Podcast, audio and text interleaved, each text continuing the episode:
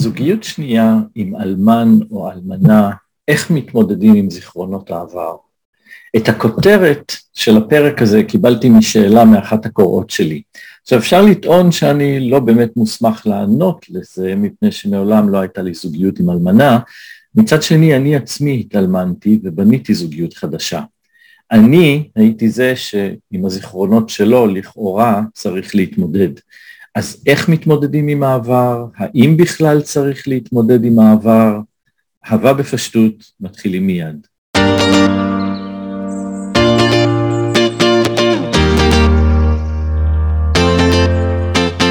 אהלן חברות וחברים וברוכים הבאים לפודקאסט אהבה בפשטות. אני שמעיה, מחבר הספר אהבה בפשטות, הרגלים מעשיים ליצירת חיי אהבה מושלמים. ואני כאן כדי לשתף אתכם באובססיה שלי. לחיות את הזוגיות הכי אוהבת, הכי מתגמלת, הכי מאושרת שאפשר. בפודקאסט הזה נדבר על זוגיות ואהבה, ונראה איך כל אחד ואחד מכם, כן, כן, גם את, גם אתה, יכולים להגיע לאושר ולשמור עליו, דרך בחירות יומיומיות פשוטות מהסוג שכולנו עושים כל הזמן. בפודקאסט הזה נחתור לגלות את העקרונות להצלחה באהבה ואת הדרכים המעשיות והמועילות ביותר לבטא את העקרונות האלו בחיים ובזוגיות שלנו.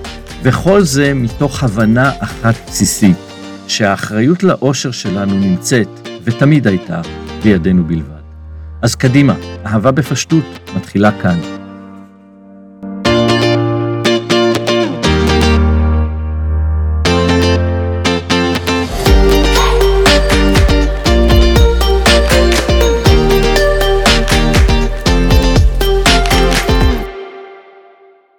פול מקארטני איבד את לינדה לסרטן אחרי 29 שנות נישואים.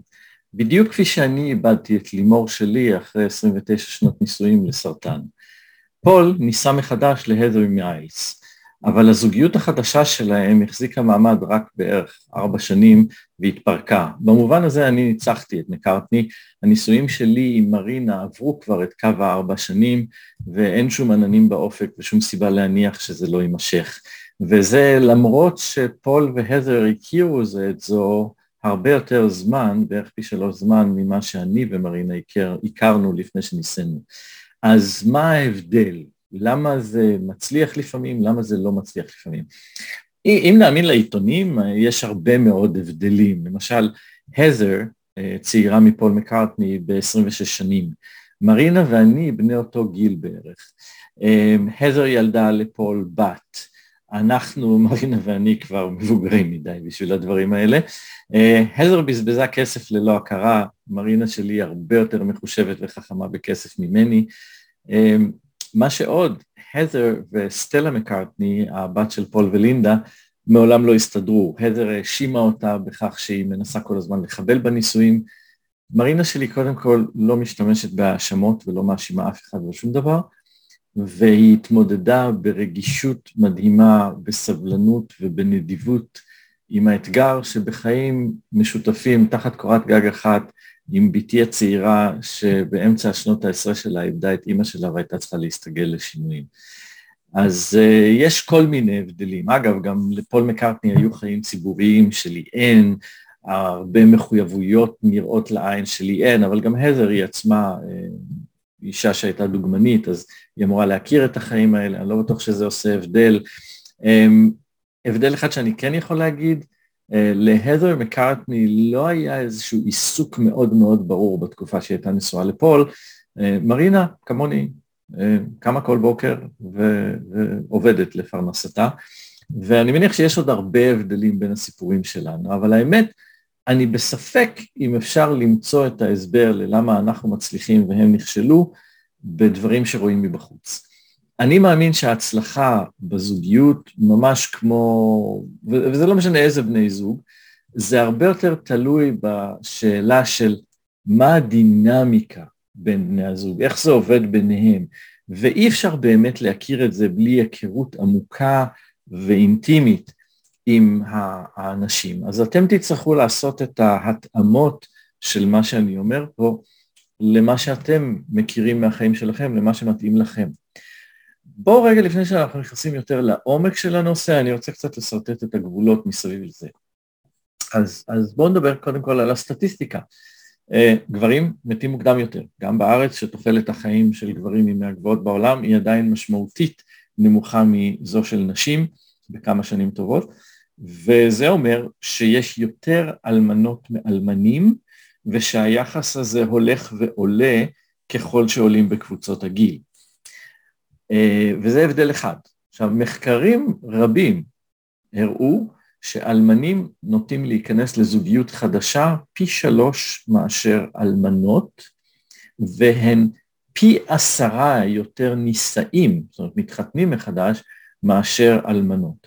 עכשיו, יש פה כמה סיבות, סיבה אחת ברורה זה קודם כל זמינות של בני זוג פוטנציאליים, אם בהכרח יש פחות גברים בגילאים האלה, אז יש גם את העניין של אה, מה בכלל האפשרות למצוא בן זוג, אבל זה לא רק זה, אה, ויש חוכמה עממית שהוכיחו אותה גם במחקרים פסיכולוגיים שאומרת שגבר שהיו לו נישואים טובים ואיבד את בת הזוג שלו, כמעט בטוח ירצה ויחפש זוגיות חדשה, בעוד שאישה שהיו לה נישואים טובים ואיבדה את בן הזוג שלה, ברוב המקרים לא תעשה את זה. אבל אלמן, אלמנה, כך או כך הם מגיעים לזוגיות השנייה עם הרבה מטען, מטען גדול וכבד, הם, הם סוחבים מאחוריהם משאית גדולה. קודם כל יש את העניין של בני משפחה, אה, הרבה פעמים ילדים עם בן בת הזוג הקודמים, והם עדיין שם, וגם הם חוו אובדן, וכל זוגיות צריכה איכשהו להביא בחשבון את הקשר שלהם עם בן הזוג שאיננו ועם בן בת הזוג החדשה, וזה משהו שהוא הרבה פעמים אתגר גדול. יש המון הרגלים, התקבעו הרגלים מסוימים לאותם אנשים לחיות בזוגיות בצורה מסוימת, ועכשיו הכל משתנה, אבל ההרגלים, קשה לשנות הרגלים, זה לוקח זמן וזה לא פשוט. וכמובן, כמובן, כמובן, יש את כל הזיכרונות, את כל החיים שהיו ביחד לפני. ושוב, הסטטיסטיקה הזאת שאני מתאר, המשמעות שלה היא שבדרך כלל אלמנים מגיעים, או אלמנות מגיעים לזוגיות החדשה, ברוב המכריע של המקרים, אחרי הרבה שנים. כמובן, יש מקרים מצערים של, של מוות במלחמה, של מוות בתאונה, של מחלות בגיל צעיר זה קורה, אבל, אבל עובדתית, חלק גדול מהבעיה זה דברים שיותר קשורים להתבגרות ולזקנה, ובמקרה הזה זה קורה בדרך כלל אחרי שיש כבר הרבה היסטוריה, הרבה חיים משותפים ביחד, וזה אתגר לא פשוט עבור בן או בת הזוג החדשים. אז מה אפשר לעשות כדי שבכל זאת יצליח? אני רוצה להתייחס לזה משתי נקודות המבט של האלמן ושל בת הזוג. אני חושב שזה נכון באותה מידה בדיוק אם זה אלמנה ובן זוג, אבל קודם כל בגלל הסטטיסטיקה שהזכרתי קודם, עובדתית זה יותר פעמים האלמן ובת הזוג החדשה שלו, אה, וגם אה, זה הצד שאני מכיר יותר מטבע הדברים, אבל אני באמת חושב שמה שאני הולך להגיד עכשיו הוא רלוונטי לכולם, ולמרות שאני פונה כרגע ספציפית, קודם כל לאלמנים ואחר כך לבנות הזוג, נכון לגמרי שתקשיבו לזה גם בנות הזוג וגם בני הזוג של האלמנות, ותבינו את, ה, את המשמעות שיש פה ומה אתם יכולים לעשות כדי לעזור, וגם כדי להבין את החלק שלכם בעניין. אגב, במידה פחותה יותר, זה נכון גם לזוגיות שנייה מסוגים אחרים, אבל הבדל משמעותי הוא שבדרך כלל במקרה של גירושים, אה, עדיין בן הזוג לשעבר איפשהו באיזושהי צורה בתמונה, במיוחד אם יש ילדים משותפים, והדינמיקה היא אחרת לגמרי. אז אני, אני כרגע לא אכנס לזה, אה, אני אשאר עם, ה, עם הסיטואציה של האלמנות. אז בואו נתחיל מהגבר, אוקיי? כי אז אמרתי שזה מה, לסטטיסטיקה, אז בואו נתחיל מהגבר, מהאלמן. אז חבר יקר, כאלמן אל אלמן, כגבר אל גבר, בואו נשים כמה דברים על השולחן, בסדר? דבר ראשון, יש סיכוי טוב שתוכל להשיג לעצמך בת זוג צעירה ממך ב-20 שנים וגם יותר, שתיראה טוב יחסית לנשים בנות גילך, ו... והסיכוי לזה הוא גבוה, אוקיי? במיוחד, בואו אני, אני רוצה להיות ריאלי, אוקיי? לא פוליטיקלי קורקט, אלא אמיתי. ככל שאתה יותר מסודר כלכלית, אה, מספיק שאתה קצת יותר מתורבת מבבון, ואם אפשר שתראה קצת יותר טוב מבבון, זה בסדר, זה מספיק. ו, וזה לא ביקורת על אנשים שנמשכות לבני זוג כאלה, בני זוג כאלה הם אטרקטיביים מפני שיש להם מה שטוב בבני זוג, הם מסודרים, הם יציבים, אפשר לסמוך עליהם, אפשר לבנות איתם זוגיות, וזה לא פלא שיש לא מעט נשים צעירות יותר שנמשכות לגברים המבוגרים האלה יותר בזכות כל הדברים האלה, בזכות ניסיון חיים, בזכות uh, הרבה דברים. ויש להם מה להציע, זאת אומרת, יש סיכוי שאתה, אלמן יקר, חבר שאני מדבר אליך כרגע, אתה יכול להיות שאתה סחורה די מבוקשת בשוק ותמצא לא מעט נשים צעירות יותר שישמחו להתחבר אליך, במיוחד, שוב, סטטיסטיקה עובדתית, אה, נשים צעירות יותר, גרושות, עם ילד או שניים או ילדה או מה שזה לא יהיה. ושוב, זה לא ביקורת, זה ציון עובדה, אני גם לא נגד הזוגיות הזו, למען האמת אני מכיר מקרוב כמה סיפורים מאוד מאוד מוצלחים של זוגיות כזו, שנמשכים כבר עשרות שנים של זוגיות יפה וטובה ומוצלחת ואושר לכולם, אז מה שאני אומר פה זה לחלוטין לא ביקורת, זה רק כדי לציין את הנקודה הזאת. הנקודה החשובה במה שאני אומר, זה שלא תיתן לעצמך להסתנוור רק מעצם העובדה שיש לך אפשרות למשוך אליך נשים צעירות ויפות. כי זה לא מה שמבטיח שתהיה לך זוגיות טובה. אז כמו כל זוגיות, תוודא שיש פה התאמה של האישיות, שיש פה התאמה של ערכים, שיש פה התאמה של החזון לגבי החיים המשותפים שלכם, ורק אז כשאתה רואה שזה באמת מתאים לזוגיות לטווח ארוך, רק אז יש טעם לפתח את הקשר הזה. לא בגלל שזה מחניף לך וזה נעים לך שמישהי צעירה יותר ויפה יותר מתעניינת לך. וכן, זה נעים ומחניף, אוקיי? זה, עובדה. עכשיו, יש נקודה חשובה לא פחות כשאנחנו מדברים על זוגיות שנייה עם אישה צעירה יותר, וזה השאלה, האם זה נכון לך בעצם לעשות איזה reset אחורה לבטל איזה עשור שניים ולחיות מחדש שלבים בזוגיות, שלבי חיים, שלבים של הורות אולי, שכבר עברת, שגדלת מהם, שהתפתחת, שעברת אותם שאתה אחרי. וזה מתבטא בנכונות ופניות ורצון להיות שם ולעשות את זה כבן זוג מלא, עכשיו, יש הבדלים, אם, אתם, אם אתה ניסה מחדש בפערים כאלה של גיל, יש ביניכם הבדלים בצרכים, יש הבדלים בניסיון החיים, ברצונות, יש הבדלים אפילו, ב, נקרא לזה האופי הדורי שאתה גדלת. אני מסתכל אחורה על האנשים שהם 20 שנה יותר צעירים ממני, גדלנו כבר בתנאים אחרים קצת, ויש לנו קצת תפיסות אחרות על העולם, ולו רק בגלל זה, לא שאי אפשר לגשר על זה, אבל צריך להבין את זה. עכשיו, אם אתה לא מוכן לעשות את זה, במלואו להיות שם במאה אחוז בזוגיות החדשה הזאת, בללכת מחדש את הצעדים האלה בחיים, בלא להתייחס לזה כאל איזשהו משהו, אה, אני כבר עברתי, עשיתי, או אין לי כוח לזה, כי זה כבר לא מתאים לי, כי אני כבר מבוגר יותר. אז אל תיכנס לשם, כי זה לא יהיה הוגן לבת הזוג, זה לא יהיה הוגן אם יש שם ילדים, זה לא יהיה הוגן לנסות להעמיד פנים שאתה יכול להיות כל מה שהם צריכים ומגיע להם, אם אתה לא באמת שם. אני באופן אישי בחרתי בכלל לא ללכת בכיוון הזה, אני באופן אישי שמח מאוד שבחרתי אישה שהיא באותו מקום בחיים בגדול כמוני, ואנחנו מצאנו שזה מתאים הרבה יותר, אבל זו בחירה אישית, אני אומר שוב, אני לא נגד הבחירה של לבחור במישהי צעירה יותר. רק תביא בחשבון שאתה עושה את זה מהסיבות הנכונות ובדרך הנכונה. נקודה הבאה, לא חשוב מתי זה קרה, לא חשוב איך זה קרה. אתה חייב לתת לעצמך מספיק זמן להתאבל ולהשלים עם זה.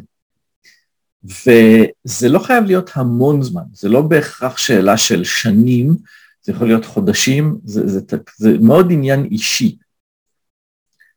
יש כאלה שמשלימים עם האובדן יחסית מהר, יש כאלה שתקועים בזה גם שנים אחר כך. הנקודה החשובה פה, אתה לא באמת יכול להצליח בזוגיות חדשה כשאתה עדיין תקוע בעבר.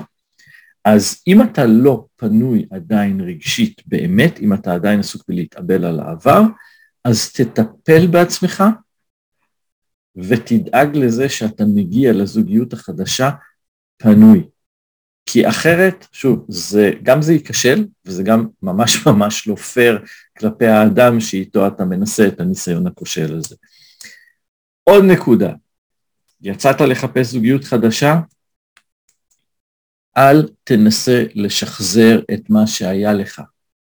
אי אפשר לחזור אחורה, אין צורך לחזור אחורה, אל תחפש מישהי דומה. אה, קודם כל אין כזאת, אוקיי? מי שזה לא הייתה בת הזוג שלך, אחת ויחידה. אין מישהי כמוה. עכשיו, עוד יותר גרוע מזה, אם תחפש מישהי שהיא דומה, אם אתה מחפש מישהי שהיא דומה, ותמצא מישהי שהיא דומה, הדמיון החלקי הזה יטעה אותך ויגרום לך לחשוב שהדברים הולכים להיות אותו דבר, וזה לא כך, אתה תציב ציפיות לא נכונות ולא הוגנות כלפי בת הזוג החדשה וכלפי החיים המשותפים שלכם, וזה גם יגרום לך להתאכזב שוב ושוב מכך שלמרות שזה דומה, זה לא. זה הרבה יותר גרוע כשאתה מחכה שזה יהיה אותו דבר, כי זה דומה, וזה לא מאשר כשאתה עושה את מה שנכון לעשות, וזה לבוא לעניין פתוח ונקי. זו זוגיות חדשה עם אישה חדשה, בוא אליה נקי מהנחות מוקדמות. תזכור זה בפעם הראשונה, לא הכרתם, לא ידעתם, לא ידעתם איזה חיים משותפים, לא ידעתם מראש איך זה יהיה, עוד לא ידעת מה היא אוהבת, מה היא לא, מה אה, כדאי שתגיד, מה אולי עדיף שלא תגיד בחיים, מה עדיף שתעשה, מה שלא, זה, זה הכל אותו דבר, אתה בונה פה משהו חדש עם אישה חדשה, כנס לעניין פתוח ותלמד את זה מחדש ותפתח את זה מחדש מאפס, וכן, יש לך איזשהו ניסיון חיים ויש לך איזשהו אה, אה, ידע על איך דברים מסוימים עובדים או לא, אבל תביא חשבון שזה לא בהכרח יהיה אותו דבר פה. ההצעה האישית שלי באמת במקרה הזה, לא לנסות לחפש משהו ספציפי, להיות פתוח. חיים חדשים, משהו חדש. ואז אתה יכול לבוא לזה עם כולך בלי המטען הכבד של ציפיות שנובעות מזה שאתה מסתכל על בן אדם אחר ומצפה שהוא יהיה כמו מישהו שאיבדת. זה לא עובד. עכשיו, זה לא אומר שצריך לשכוח את העבר שלך, זה לא אומר שאסור לך לדבר על הזוגיות הקודמת או על בת הזוג הקודמת, זה לא אומר שאסור לך להזכיר אותם. לנו בבית יש תמונות של לימור, יש עבודות שלה שתלויות על הקיר, אני מדבר על לעיתים קרובות בכל מיני סיטואציות כשזה רלוונטי, אני לפעמים מעלה אנקדוטות מהחיים המשותפים שלנו ביחד, או מזכיר משהו שהיא הייתה אומרת, או הייתה עושה. אנחנו לפעמים מגיעים לאיזה מקום שאני הייתי בו כבר עם לימור, ועוד לא הייתי עם מרינה, מזכירים את זה, מדברים על זה. הזוגיות החדשה לא מוחקת את ההיסטוריה, אבל יש נקודה אחת קריטית, קריטית, קריטית. גברים שאתם מקשיבים לי עכשיו, וגם נשים, האלמנים, האלה שאיבדו, זה אולי הדבר הכי חשוב שאתם צריכים לקחת מכל הפרק הזה. לעולם, לעולם, לעולם, אל תדברו על בת הזוג הקודמת או על בן הזוג הקודם באופן שיכול להתפרש, אפילו בצורה הקלושה ביותר, כאילו אתם משווים בינם לבין בת הזוג החדשה או בן הזוג החדש. אסור לעשות את זה. אין השוואה, לא צריכה להיות השוואה, לא יכולה להיות השוואה. זה, זה שתי נשים שונות, זה בתקופות חיים שונות, זה התחיל אחרת, זה ייגמר אחרת, ובעצם הדבר הכי שאני יכול להציע לכם לחשוב על זה, זה באמת, זה חיים אחרים. תחשבו על זה שהיו לכם איזה שהם חיים והם הסתיימו, טובים, רעים, בינוניים, לא חשוב. החיים ההם הסתיימו. עכשיו אתם מתחילים חיים חדשים, אתם בונים חיים חדשים. ואין שום השוואה שהיא רלוונטית, אין שום משמעות להשוואה לחיים הקודמים, זה לא יחזיר את החיים הקודמים, זה בטח לא ישפר את הנוכחים לעשות השוואה כזאת, זה רק יזיק. מה השוואה כזאת עושה? השוואה כזאת רק תגרום לבת הזוג החדשה להרגיש שהיא בתחרות מתמדת עם, עם רוח. זו תחרות שהיא לא יכולה אף פעם לנצח בה. זה עלול לגרום לה להרגיש שהיא לעולם לא תהיה טובה מספיק וזו תחושה איומה, וזה יכרסם בה, וזה יכרסם בזוגיות שלכם, וזה לא סביר שזה יכול לעבוד לאורך זמן ככה. עכשיו, נקודה חשובה, גם אם אתה עושה את ההשוואה כמטרה להחמיא, גם אם אתה בא ובעצם חושב להגיד שבת הזוג הנוכחית היא יותר טובה במשהו ממה שהיה לך בעבר, אל תעשה את ההשוואה הזאת. זו טעות להשוות לטוב ולרע, וזה עוד יותר גרוע לדבר על זה, כי גם אם אתה מנסה להגיד שכרגע יותר טובה, אז עצם העובדה שאתה עושה השוואות, זה אומר שכנראה גם יש דברים אחרים.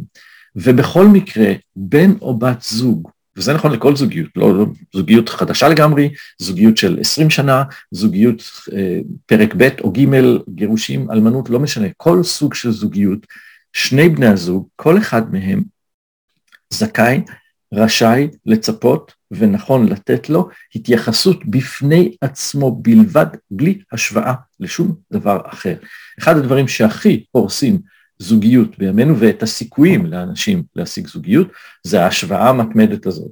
לכל פרופיל בפייסבוק, לכל פוסטר משופצר פוטושופ שרואים על הקיר איפשהו, לא, אל תשוו, אין מה להשוות. יש לכם בן אדם, תתייחסו אליו כמו שהוא. ובאופן כללי בכלל, אה, אפשר וזה בסדר לדבר על החיים הקודמים ועל בת הזוג הקודמת או בן הזוג הקודם, אבל לפני שעושים את זה, יש שאלה שאני מציע לשאול, וכבר הזכרתי אותה בפודקאסט הזה, על כל דבר שאנחנו עושים בזוגיות, על כל החלטה, על כל מעשה וגם על כל אמירה. והשאלה הזאת היא, האם זה מקדם או תורם לזוגיות שלי בטווח הארוך? או בצורה אחרת אתם יכולים לשאול, האם זה יתרום, זה שאני אדבר על זה, זה תורם במשהו לרווחה הרגשית של בת הזוג הנוכחית שלי, זה יגרום לה להרגיש יותר מחוברת, יותר אהובה, יותר מוערכת. יכול להיות שכן, יכול להיות שמשתפים משהו שהוא מייצג איזושהי פתיחות אה, והצגה של עומק של רגשות ש, שמראה לה שאתם בטוחים איתה וזה יעשה משהו טוב. אבל אם התשובה לשאלות האלה היא לא, אין שום סיבה לפתוח את הפה, פשוט אל תדברו על זה, אין צורך. מותר לכם גם לחשוב דברים שאתם לא אומרים, זה בסדר. עכשיו בואו רגע נשנה את זווית הראייה. בואו נשנה את זווית הראייה רגע ונדבר על בת הזוג החדשה, ושוב, זה רלוונטי גם לבני זוג של אלמנות, אבל רק בגלל הסטטיסטיקה אני אומר את זה ככה, בת הזוג החדשה. מה שאת צריכה לזכור, קודם כל, לך יש אחריות אישית טוטאלית להצלחה של הזוגיות הזאת. אני טוען שלשני הצדדים יש, אבל כרגע אני מדבר עלייך, אלייך, ואת צריכה לקחת את האחריות להצלחה של הזוגיות הזאת. את לא קורבן, זה לא תלוי רק בו, את התנדבת ואת רוצה להצליח. אז קחי אחריות לעשות את מה שצריך לעשות כדי שיצליח. מה הדברים שלדעתי חשוב מאוד לעשות?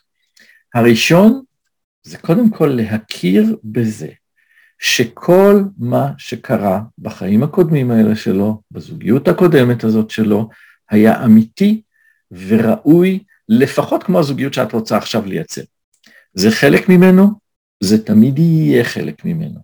זה לא הוגן ולא חכם לצפות ממנו לשכוח, זה לא הוגן ולא נכון לצפות ממנו לוותר סתם כך על קשרים קודמים ולהתחיל הכל מחדש איתך, או לגרום לו להתנהג או להעמיד פנים כאילו לא היו חיים לפנייך. היו, וזה בסדר גמור שהיו. עכשיו, כשאנחנו יוצאים מהמצב הזה, מה את צריכה לעשות? אולי הדבר הכי חשוב, לא הכי חשוב, זה הדבר השני הכי חשוב. תתקשרי בבירור את הצרכים שלך ותבקשי בצורה ברורה את מה שאת רוצה. אל תצפי שהוא יבין לבד או ינחש. גברים לא נולדו עם היכולת לקרוא מחשבות. לעומת זאת, גברים כן נולדו עם הנטייה לעשות הרבה למען אישה שהם מעוניינים בה, כשהם יודעים מה זה הדבר הנכון לעשות. אז תגידי להם.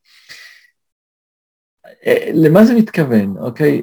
נניח ש, ש, שכן, קשה לך כשהוא מדבר על בת הזוג הקודמת. זה, זה נופל על איזשהו חוסר ביטחון שלך, זה, זה, זה קשה לך עם זה, אוקיי? מותר לך לתקשר שקשה לך עם זה. זה לא אומר שאת כרגע צריכה להפעיל מולו ציפיות להפסיק, אבל זה בסדר גמור והולם לתקשר שזה מקשה עלייך, ולתת לו להביא בחשבון גם את השיקול הזה, כשהוא מחליט על מה הוא מדבר ומה הוא עושה ומתי. את צריכה להבין שאם קשה לך, זה לא רק בעיה שלך, זה בעיה של שניכם. עכשיו, את צריכה לקחת את האחריות לפתור את הבעיה הזאת, אבל כמו כל בעיה אחרת בזוגיות, היא בעיה משותפת. והוא, אם הוא בן זוג טוב, גם הוא יבין שהוא צריך לעזור לך, לקחת את האחריות מהצד שלו על לפתור את הבעיה הזאת באותה המידה. כדי שזה יעבוד, חשוב לתקשר על, ה, על הבעיות או על הקשיים או על הרצונות בצורה אסרטיבית. תדברי עלייך ועל מה שאת מרגישה ועל מה שאת היית רוצה, ותקשיבי ותני מקום של כבוד למה שהוא רוצה ולמה שהוא צריך, ואיכשהו אז ביחד בתקשורת תוכלו למצוא את הדרך הספציפית שלכם. אבל אולי הדבר הכי חשוב, וזה באמת הטיפ הכי חשוב בעיניי לבנות הזוג, לאלמנים, לאלה ש, שיש לו מאחורה מישהי שהייתה ואיננה, הדבר הכי חשוב שאת צריכה להבין, שאין תחרות. לא באמת, היא מתה, אוקיי? היא איננה. את ניצחת. את לא צריכה להילחם כי אין במי. את לא צריכה להתגונן כי אף אחד לא מתקיף. היא מתה, היא איננה. את ניצחת, ואת יכולה להרשות לעצמך להיות מנצחת נדיבה. אל תהרסי לעצמך את הכל בניסיון לנצח, להעלים, להשתלט, לכבוש, לדחוף הצידה מישהי שאת כבר בכלל לא בתחרות איתה, כי אין תחרות, כי היא איננה. ולפני שניפרד, אני רוצה ככה לחבר את זה לאיזשהו סיפור אישי קטן שלי. אם מישהו נורא רוצה, יוכל ללכת אחורה בדף הפייסבוק שלי אולי ולמצוא אותו, אה, בדף האישי שלי. אה, ביום השנה הראשון ללימור, אה, לצערי אני לא הייתי בארץ. היה איזשהו הכרח שאני אהיה בחו"ל באיזושהי נסיעת עבודה, וככה מצאתי את עצמי ביום השנה למותה בעיר ש... עיר זרה, עיר שלא, אה, אין לנו שום זיכרונות משותפים משם, אין שום דבר שמחבר אה, את, את המקום לשום דבר, אין אף אחד שהוא רלוונטי לעניין הזה, ו, ועשיתי לעצמי טקס זיכרון פרטי משלי קטן בעיר הזאת, והעליתי פוסט על זה. ואיכשהו זה, זה היה קשה למרינה, שכבר היינו בקשר בזמן הזה. היה לה קצת קשה עם זה, משהו, ואני אף פעם לא טרחתי לבדוק בדיוק מה, אמ, משהו באותו זמן הקפיץ לה איזושהי נקודה של אולי חוסר ביטחון קצת, אולי השאלה האם אני באמת מוכן, כאילו, האם זה, אולי זו הנקודה האמיתית שהיא, אולי, אולי לא הייתה עדיין בטוחה שאני באמת מוכן לפתח זוגיות חדשה, והפוסט הזה ככה הקפיץ את, ה, את השאלה הזאת שוב אל פני השטח. ו, והתשובה שאני עניתי למרינה הייתה בדיוק זה, אין, אין, כאילו, את לא, ב, את לא במאבק, את לא במלחמה, את ניצחת. ושלחתי לה אז שיר, שאני מציע לכולם, כל מי שנמצא בזוגיות שנייה, האמת, לא חשוב כרגע אם זה, אם זה אה, זוגיות שנייה עם אלמן או עם גרוש או, או מה שזה לא יהיה, אני מציע שתחפשו ביוטיוב את השיר שנקרא I Got the Boy של זמרת קאנטרי בשם ג'אנה קרמר, ותקשיבו היטב למילים האלה, I got the boy.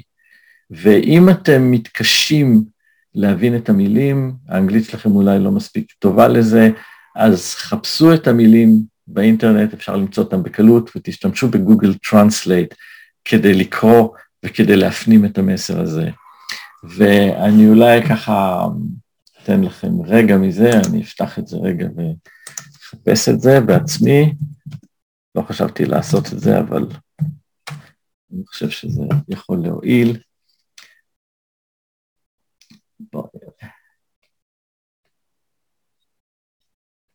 יאללה, קרם, אגו ציבורי. אפשר כאמור למצוא את זה בפייסבוק. אני אתן לכם רק את הבית האחרון. אני קיבלתי את הנשיקה הראשונה, היא תקבל את האחרונה. היא קיבלה את העתיד, אני קיבלתי את העבר. אני קיבלתי את טבעת הבית ספר, היא קיבלה את היהלום ואת טבעת הנישואים. אני קיבלתי את הנער, היא קיבלה את הגבר. כל אחת מאיתנו קיבלה משהו שלשנייה אף פעם לא יהיה, ואני תוהה אם זה היה מתהפך, אם הייתי רוצה. אז יש בה, בשיר הזה עוד כמה מילים ששווה לשמוע, אני מאוד ממליץ לכם ללכת ולעשות את זה, ולהפנים את התפיסה הזאת, שאתם לא בתחרות, זה משהו חדש, תבנו אותו מחדש, יש עבר, אבל לא צריך להילחם בו, הוא חלק מהיסוד שעליו מונחת הזוגיות החדשה שלכם. אתם בחיים, לכם יש עתיד, ניצחתם, תהנו מזה. אהבה בפשטות, ניפגש בשבוע הבא.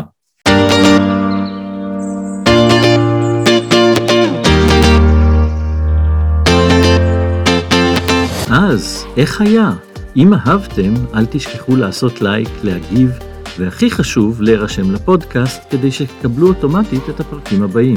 אפשר כמובן גם לצפות בהקלטה בערוץ היוטיוב שלנו, וגם שם כדאי להירשם לערוץ, לעשות לייק ולהגיב. זה יעזור ליוטיוב לספר לכם כשנעלה תוכן חדש, ויעזור לאנשים אחרים לגלות גם הם את הפודקאסט. אשמח לשמוע מכם מה אהבתם, מה לא, מה עוד מעניין אתכם, ויש המון דרכים לספר לי. אם אתם מקשיבים בספוטיפיי, יש לכם אפשרות ללחוץ על הקישור בתחתית תיאור הפרק הזה, ולהקליט הודעה קולית שתישלח אליי ישירות.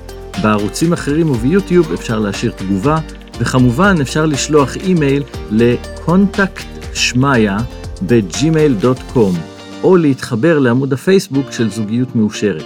איך שלא תעשו את זה, בואו נתחבר ונמשיך יחד את המסע לזוגיות המושלמת. ועד הפרק הבא, יאללה ביי.